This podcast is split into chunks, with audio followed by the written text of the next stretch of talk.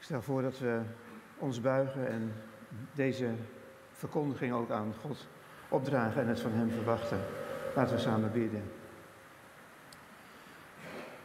Vader in de hemel, dank u wel dat u in ons midden bent op deze morgen. Door uw woord en door uw geest. Dat u ons leven kent, onze harten kent. U weet wat we nodig hebben. En we kijken verlangend uit naar wat u gaat geven. In Jezus' naam. Amen.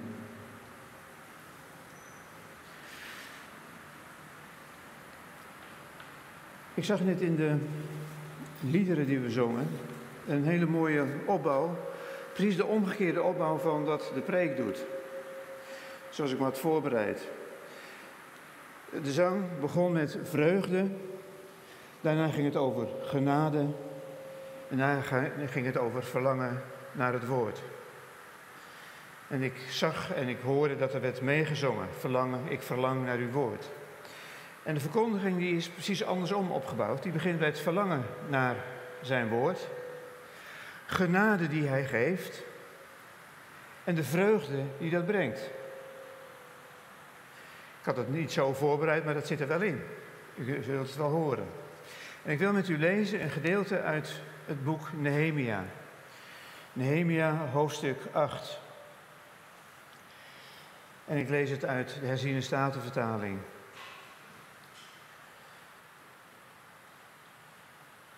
Nehemia, hoofdstuk 8. En daar staat, toen de zevende maand aanbrak en de Israëlieten in hun steden waren, verzamelde heel het volk zich als één man op het plein dat voor de waterpoort ligt. En zij zeiden tegen Ezra, de schriftgeleerde, dat hij het boek moest brengen met de wet van Mozes, die de Heere Israël had geboden. Ezra, de priester, bracht de wet voor de gemeente, zowel mannen als vrouwen en al wat, wie zijn verstand, wat zijn verstand betrof in staat was ernaar te luisteren op de eerste dag van de zevende maand. Hij las daaruit voor, voor het plein dat voor de waterpoort ligt. Vanaf het morgenlicht tot de middag. Ten overstaan van de mannen, de vrouwen en van hen die wat hun verstand betrof in staat waren ernaar te luisteren. De oren van heel het volk waren gericht op het wetboek. Ezra, de schriftgeleerde, stond op een houten verhoging, die voor deze gelegenheid hadden gemaakt. En naast hem stond Matitja met Sema, Anaya, Uria, Hilkia en Maasea aan zijn rechterhand.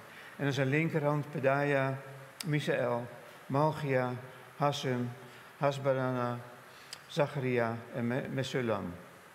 Ik heb erop geoefend thuis, dat hoort, u wel.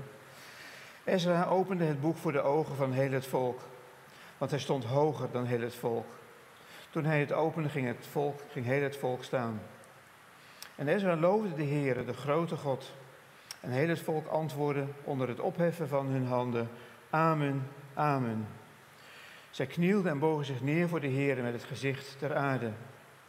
Yeshua, Bani, Serapja, Yamin, Akub, Sabbatai, Hodia, Maasaya, Keltia, Azaria, Jozabad, Hanan, Pelaya en de Levieten onderwezen het volk in de wet en het volk stond op zijn plaats. Zij lazen uit het boek voor, uit de wet van God, gaven uitleg en verklaarden de betekenis, zodat men de voorlezing begreep. En Nehemia, hij was zijn excellentie, de stadhouder, Ezra, de priester, de priester en schriftgeleerde, en de levieten die, bij het volk, die het volk onderwezen, zeiden tegen heel het volk, deze dag is heilig voor de Heere uw God. Rouw dan niet en huil niet. Heel het volk huilde namelijk toen ze de woorden van de wet hoorden. Verder zei hij tegen hen, ga, eet lekkernijen en drink zoete dranken. En deel uit aan hen voor wie niets is klaargemaakt. Want deze dag is heilig voor onze Heere. Wees niet bedroefd, want de vreugde van de Heere, dat is uw kracht. De levieten deden heel het volk zwijgen door te zeggen, wees stil, want deze dag is heilig. Wees daarom niet bedroefd. Toen ging al het volk weg om te eten en te drinken en om uit te delen en grote vreugde te bedrijven. Want ze hadden de woorden begrepen die men hun had bekendgemaakt. Tot zover de lezing. Dat zijn de eerste dertien versen van het hoofdstuk. Maar het hoofdstuk gaat door. Er gaat nog een stuk over het loofhuttenfeest door. Verlangen naar zijn woord. Dat is het thema, dat heb ik erboven gezet. En ik merk het op heel veel plaatsen dat er wel verlangen is naar het woord van God. Ik kom veel in Afrika, in Zambia, waar ik les geef. En daar heeft men ook zo langzamerhand geleerd. Ik kom daar nu 15, 16 jaar en ik ga elk jaar, elk jaar daar naartoe te gaan om weer stel lessen te geven aan predikanten of mensen die predikant worden, die gemeente leiden. Maar die zijn ook allemaal gewoon boeren. Die hebben gewoon thuis hun huis en hun bezonje, dus hun zaken te doen. En daarnaast zijn ze predikant. En die hebben heel weinig of geen opleiding. Dus ik probeer die opleiding dan vorm te geven. En op een gegeven moment hoorde ik iets van een in zo'n discussie van... Ja Anne, we hebben jou bijna niet meer nodig, maar je hebt ons geleerd het woord van God te leren. En dat, dat trof mij en dat raakte mij ook positief. Dat ik dacht, ja, het moet zo zijn dat ik op een bepaald moment niet meer nodig ben. Als ze steeds van mij afhankelijk zijn, dan zijn ze dus daarmee ook afhankelijk van kennis en kunde van een mens. Maar ze moeten zich aan de Heer leren binden en aan het woord leren binden. Ze moeten het woord leren kennen. Dus als leraar maak je jezelf, en dat was de gedachte die ik daar kreeg en die ook zo werd uitgesproken, maak je jezelf overbodig. Op een gegeven moment ben je gewoon niet meer nodig. Je bent een voorbijganger. Je gaat voort met de massa, met de groep, met de mensen met wie je optrekt. Zeg maar als pelgrims door de tijd. Nou, hoofdstuk 8 van Ezra, dat staat in een context. En ik wil heel kort iets over die context zeggen. Het gaat in, eigenlijk over Ezra en Nehemia samen. Ezra en Nehemia zijn twee boeken die in de Hebreeuwse Bijbel ook één boek zijn. Die vormen één geheel. En die bestaat uit drie delen, drie accenten. Het eerste accent wordt gelegd in de eerste vier versen van Ezra 1. In Ezra 1 staat dat er een decreet van Kores uitgaat om de tempel in Jeruzalem te herbouwen. Je moet je voorstellen, het volk van Israël heeft 70 jaar in ballingschap gezeten.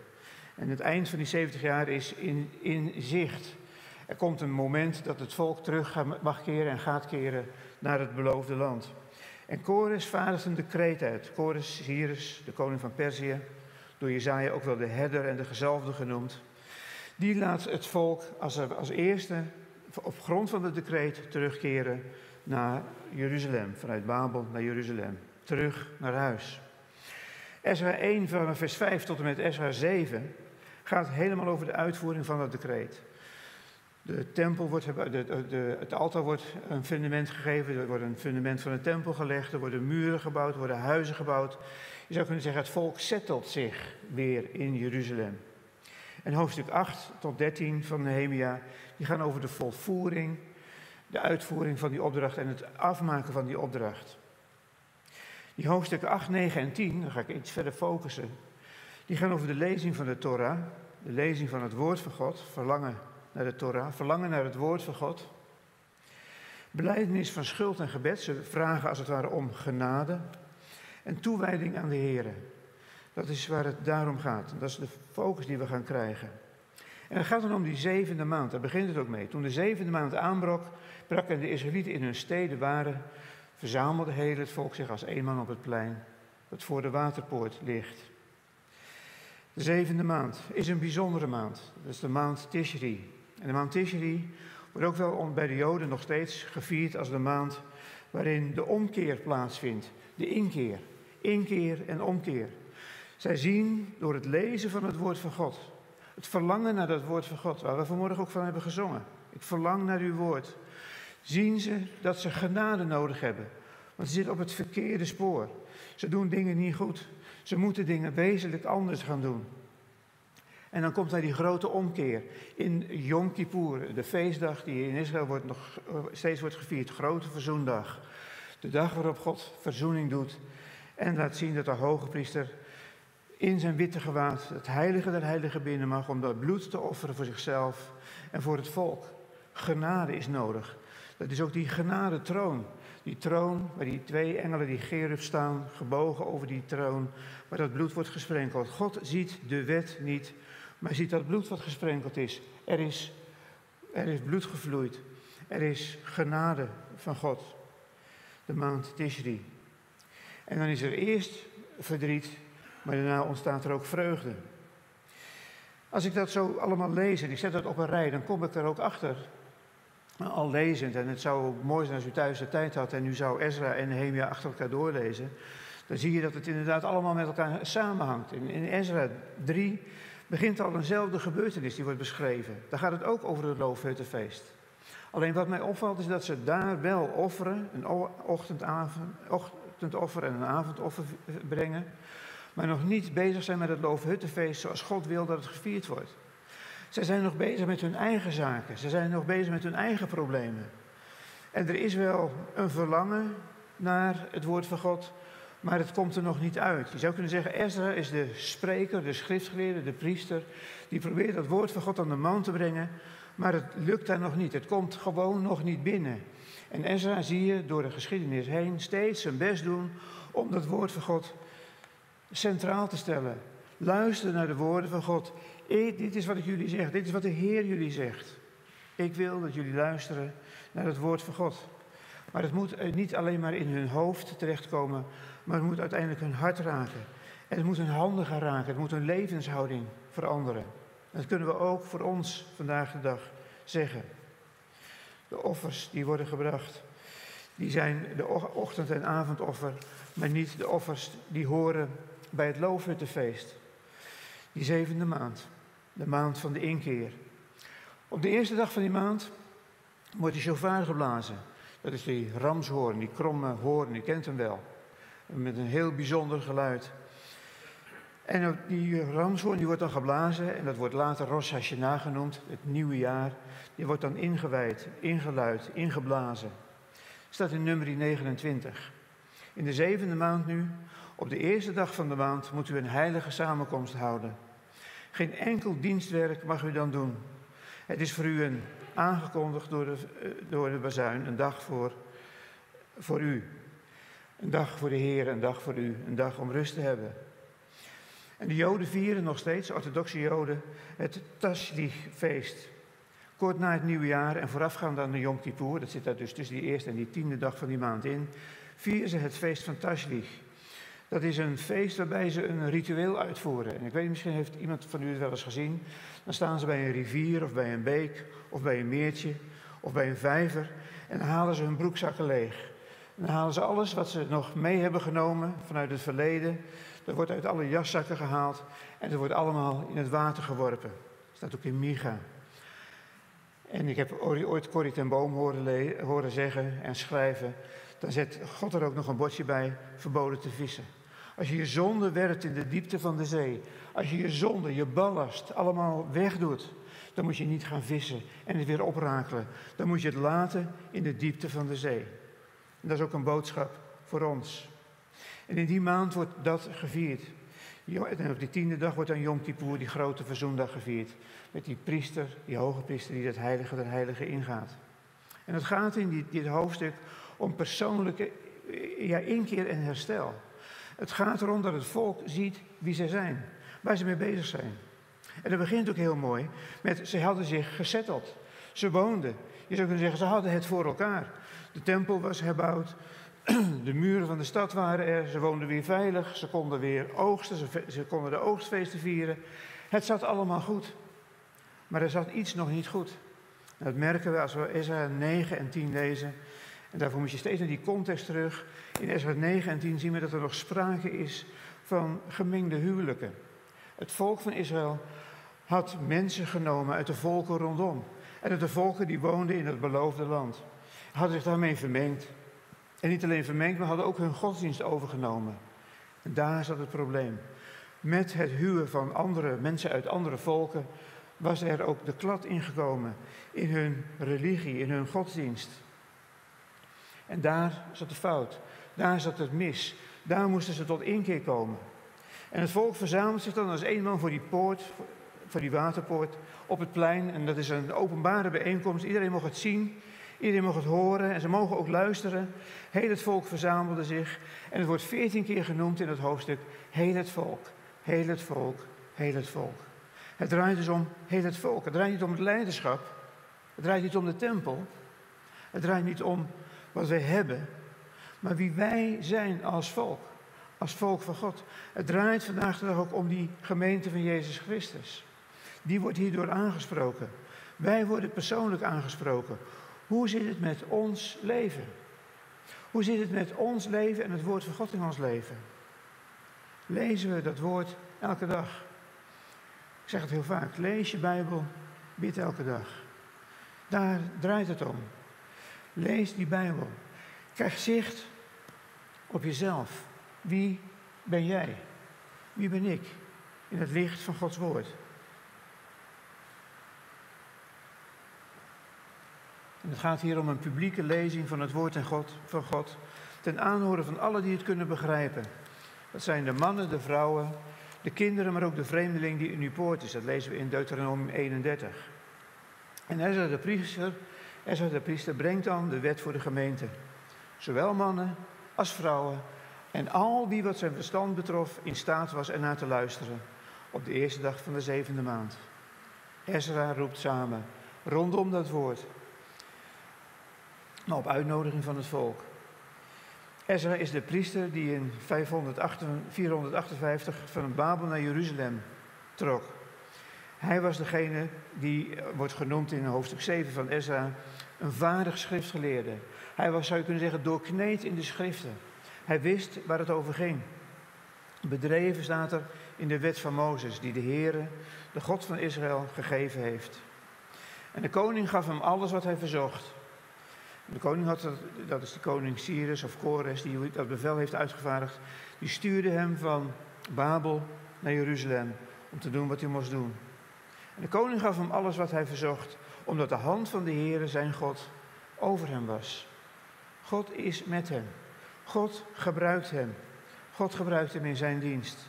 En Ezra had immers zijn hart erop gericht, staat er dan in Ezra 7, vers 10, om de wet van de Heer te onderzoeken. Om die te doen en om Israël verordeningen en bepalingen te onderwijzen. Ezra was bezig met het woord van God. Hij deed onderzoek. Hij deed de wet. Hij deed wat er staat, stond geschreven. En hij onderwees de wet. En dat is de vraag ook van ons vanmorgen. Hoe gaan wij om met dat woord van God? Lezen we het woord? Onderzoeken we zijn woord? Zijn we er dagelijks mee bezig? Doen we zijn woord? Handelen we ernaar? En onderwijzen we het? Geven we het door aan het volgende geslacht, aan de volgende generatie? Ik gebruik in Afrika altijd het begrip fibidi, fibidi, fibidi. Fibidi is twee. Twee, twee, twee. En 222 staat voor 2 Timotheus 2, vers 2. Waar staat, wat gij van mij gehoord hebt onder vele getuigen, vertrouw dat toe aan anderen, die ook bekwaam zijn weer anderen te onderwijzen. Het gaat erom dat het woord van God wordt doorgegeven. Van generatie op generatie, van geslacht op geslacht. Van de ouders naar de kinderen, naar de kleinkinderen. Het woord van God is voor iedereen. Het mag, het moet gehoord worden. Het moet klinken en in praktijk gebracht worden. Dat is ook een aanleiding voor de Reformatie geweest, jaren geleden.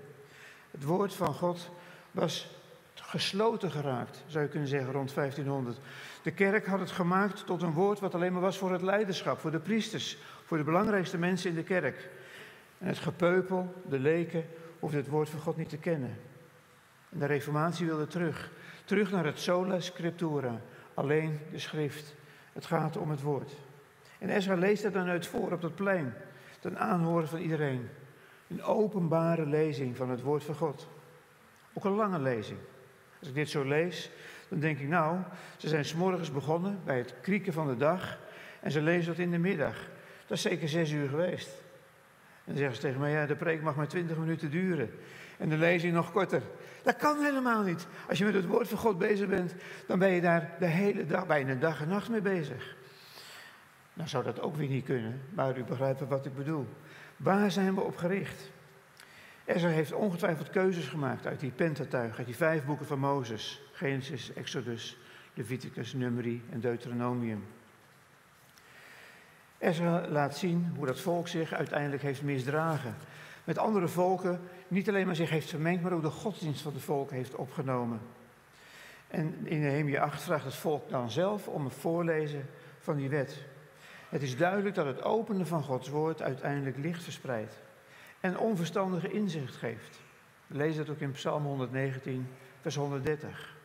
En de oren van dat volk, dat lezen we dan ook, zijn gericht op het wetboek, op die Torah, op die woorden van God. Het volk verlangt naar zijn woord. Spreek, Heer, want uw knecht hoort. En daardoor kan ook hun hart opengaan. En we lezen het ook in het Nieuwe Testament. In Hebreeën 4, vers 12 staat, want het woord van God is levend en krachtig. En scherper dan enig tweesnijdend zwaard. En het dringt tot op de scheiding van ziel en geest. Door. Van gewrichten en merg. En het oordeelt overleggingen en gedachten van het hart. Het legt, zou je zo kunnen zeggen, ons hart bloot. Er is geen schepsel onzichtbaar voor hem. Maar alles ligt naakt en ontbloot voor de ogen van hem aan wie wij rekenschap hebben af te leggen. Dat levende woord, dat laat ons zien wie wij zijn. Dat confronteert ons met wat God van ons vraagt. Die heilige God. Maar wij kunnen dat niet. Wij kunnen de wet niet houden. Wij kunnen het goede niet doen. We zijn geneigd om het kwade te doen. Wij gaan de verkeerde kant op. Maar we hebben, God zij dank, Jezus Christus. Daar is de genade gegeven. Hij is gekomen om de wet te vervullen. Hij is gekomen. Hij is degene die wordt genoemd. In het begin was het woord. En het woord was God. En het woord was bij God. Dit was in het begin bij God. Alle dingen zijn door het woord gemaakt. En zonder dit woord is geen ding gemaakt dat gemaakt is. In het woord was het leven. En het leven was het licht van de mensen. En het licht schijnt in de duisternis. Ook in onze duistere wereld. De duisternis heeft het niet gegrepen, niet begrepen, niet gevat. Jezus Christus, het licht van de wereld, laat zien wie Hij is. Geef licht in ons leven en mogen de weg met Hem gaan. En dan gaat Ezra daar staan op die houten verhoging, een migdal in het Hebreeuws. Meestal is dat een toren, zo wordt het vaak vertaald. Hier is het dus een preekstoel, zou je kunnen zeggen. Hij is beter zichtbaar en hoorbaar voor het volk. Iedereen kan hem zien, kan hem horen. En de spreker kan ook het volk zien. Zijn we er nog bij? Hebben we het nog? Weten we nog waar het over gaat? En dan staan er zes en zeven, zes rechts en zeven links. Leiders, subleiders uit de priesters of levieten, die samen met hem uitleg geven aan het woord van God. Hoe is de gemeente opgebouwd? En Ezra opent dan het boek voor de ogen van heel het volk. Want hij stond hoger dan heel het volk. En hij opende het en heel het volk ging staan. Uit eerbied voor het woord van God. Die rol wordt geopend. Dat zijn rollen geweest. De rol werd geopend. En op dat moment ging het volk staan. Eerbied voor God. Eerbied voor zijn woord. Voor zijn woord. En de vraag ook vanmorgen aan ons is: kennen wij die eerbied voor het woord van God nog? Of doen we het erbij? Doen we het zelfs weg? Accepteren wij nog de onfeilbaarheid van de schrift? Een van de grootste problemen in christelijke wereld van vandaag. Christelijk Nederland, maar ook in heel de christelijke wereld. Het gezag van het woord van God. Ja, dat moet je anders zien. Nee, voor mij betekent dat, ik heb er dit aan. Jij kan er wat anders hebben. Het woord van God doet voor een ieder wat anders, denken wij dan. Maar het woord van God is onfeilbaar. Ik heb net een boek besteld in, weet ik veel, in Amerika. En dat gaat over de inerrancy of de schrift, de onfeilbaarheid van de schrift. Het woord van God is onfeilbaar. Geloven wij dat? Accepteren we dat heel het woord door God is ingegeven? Zoals Paulus tegen Timotheus zegt in 2 Timotheus 3. En Petrus die dat aanvult en zegt: We hebben het profetische woord dat vast en zeker is. En u doet er goed aan daar acht op te slaan. Als op een lamp die in een duistere plaats schijnt. Totdat de dag aanbreekt en de morgenster opgaat in uw harten. Dit moet u allereerst weten. Dat geen enkele profetie uit de schrift, niets van wat hierin staat en wat hier gelezen is, een eigenmachtige uitleg toestaat. Want profetie is destijds niet voortgebracht door de wil van een mens, maar heilige mensen van God, door de Heilige Geest gedreven, hebben gesproken. Waar wij mee te doen hebben, zijn woorden van God. Niet woorden van mensen, woorden van God, die iets te zeggen hebben vandaag, nu, tegen ons, over ons. En Ezra geloofde de Heer, de grote God. En heel het volk antwoordde onder het opheffen van hun handen. En ze zeggen amen, amen. Zo is het. Ze knielen neer en buigen zich voor de Heer met het aangezicht ter aarde. De lofprijs aan God is gebaseerd op het lezen en openen van zijn woord. En de respons van het volk is opheffen van handen. En het volk zegt amen. Het zij zo. Ze buigen zich diep en knielen neer. En dan krijgen ze onderwijs. Er worden allerlei namen genoemd, levieten, priesters. Het volk stond op zijn plaats. En die leiders die gaan dan onder het volk uitleg geven over het woord. Mogelijk heeft dat te maken met het Hebreeuws dat in verval was geraakt in Babel. 70 jaar Babel betekent dat je ook andere talen gaat oppikken. En dat was in Babel het Aramees. Levieten moeten dus vertalen, moeten dus uitleggen en de culturele kloof tussen Babel en Jeruzalem overbruggen. Maar ook de, taalbarrière tussen het Aramees uit Babel en het vroegere Hebreeuws uit Jeruzalem. Er zal ook uitgelegd zijn wat kwijtgeraakt is in ballingschap, aan inzettingen. Het volk is wat kwijtgeraakt, is wat verloren. En ze mogen nu leren om daaraan te voldoen. En dan komt dat loofhuttenfeest komt in beeld, zoals God het daadwerkelijk heeft bedoeld. Je ziet het ook in de volgende vers, ik ga ze nu niet lezen. Maar de volgende dag staat er dan vanaf vers 14. Verzamelde het, de familiehoofden van heel het volk zich. Priesters en levieten bij Ezra. En de schriftgeleerden. En dat om inzicht te krijgen in de woorden van de wet. Zij willen weten, hoe zit het nu? En er wordt uitleg gegeven. Uitleg over de wet van God, het woord van God. En die uitleg raakt hun hart. Zoals dat ook op de Pinksterdag het hart van het volk van Israël heeft geraakt. Op de Pinksterdag, na de toespraak van Petrus, zeggen de mannen in Jeruzalem ook: Wat moeten wij dan doen? Ze werden diep in hun hart getroffen. Wat moeten wij dan doen? En Petrus zegt dan: Bekeert u. En in ieder van u laat zich dopen op de naam van Jezus Christus tot vergeving van zonden. En u zult de gave van de Heilige Geest ontvangen. Ze zijn verdrietig. Verdrietig omdat hun hart wordt blootgelegd. En zij zien wat de fout is. Het gaat mis. Als we niet leven bij een open woord van God. Dat woord moet open, keer op keer weer. Dat is de reden van hun verdriet. Maar God zegt dat verdriet mag omgekeerd worden. Die rouwklacht mag tot een vreugdedans worden. Je mag vreugde bedrijven, want de vreugde van de Heer, we hebben het gezongen, en dat, dat vond ik dus het aparte. De vreugde des Heeren, dat is uw kracht. Lied 654. Waarom huilen tijdens een feest? God is erbij. Hij vergeeft. Hij biedt genade aan in Jezus Christus. Je mag feest vieren. Je mag zien wie je bent, maar je mag je verheugen in de Heer. Want daarin ligt je kracht, daarin ligt je bescherming, daar ligt je toekomst. Een deel van de overvloed die je hebt uit aan hen die minder hebben of die niet hebben. Ondanks de zonde is er hoop, is er toekomst voor het volk van God in het nieuwe jaar. En zo wil dat volk van God het nieuwe jaar in. En zo mogen wij elke dag opnieuw beginnen met God. Dat feest wordt met Rosh Hashanah gevierd, het nieuwe jaar. Maar God zelf zal meegaan, ook dat nieuwe jaar in. Jezus zegt tegen zijn discipelen, maar ook tegen ons: Zie, ik ben met u al de dagen. God gaat met ons mee. Het volk luistert en viert feest. Gods woord, en ik wil daarmee afsluiten.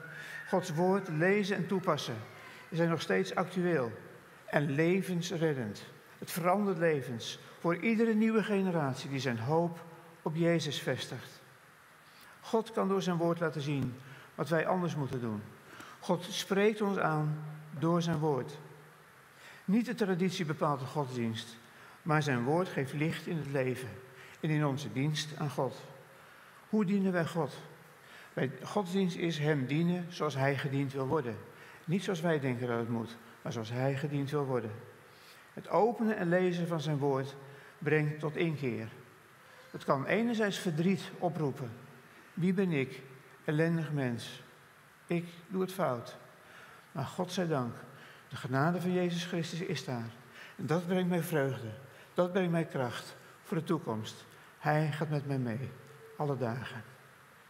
Amen. Stel voor dat we heel kort een moment ook danken en bidden. Vader, we danken u op deze morgen dat we uw woord mochten open doen, mochten lezen, mogen bergen in ons hoofd, onthouden, maar ook bergen in ons hart. Dat het een plaats krijgt in het centrum van ons leven. En dat het ons handelen daarna zal zijn om u vreugde te bereiden. Dank u wel dat u ons zo zegent door uw woord en door uw geest. In Jezus' naam. Amen.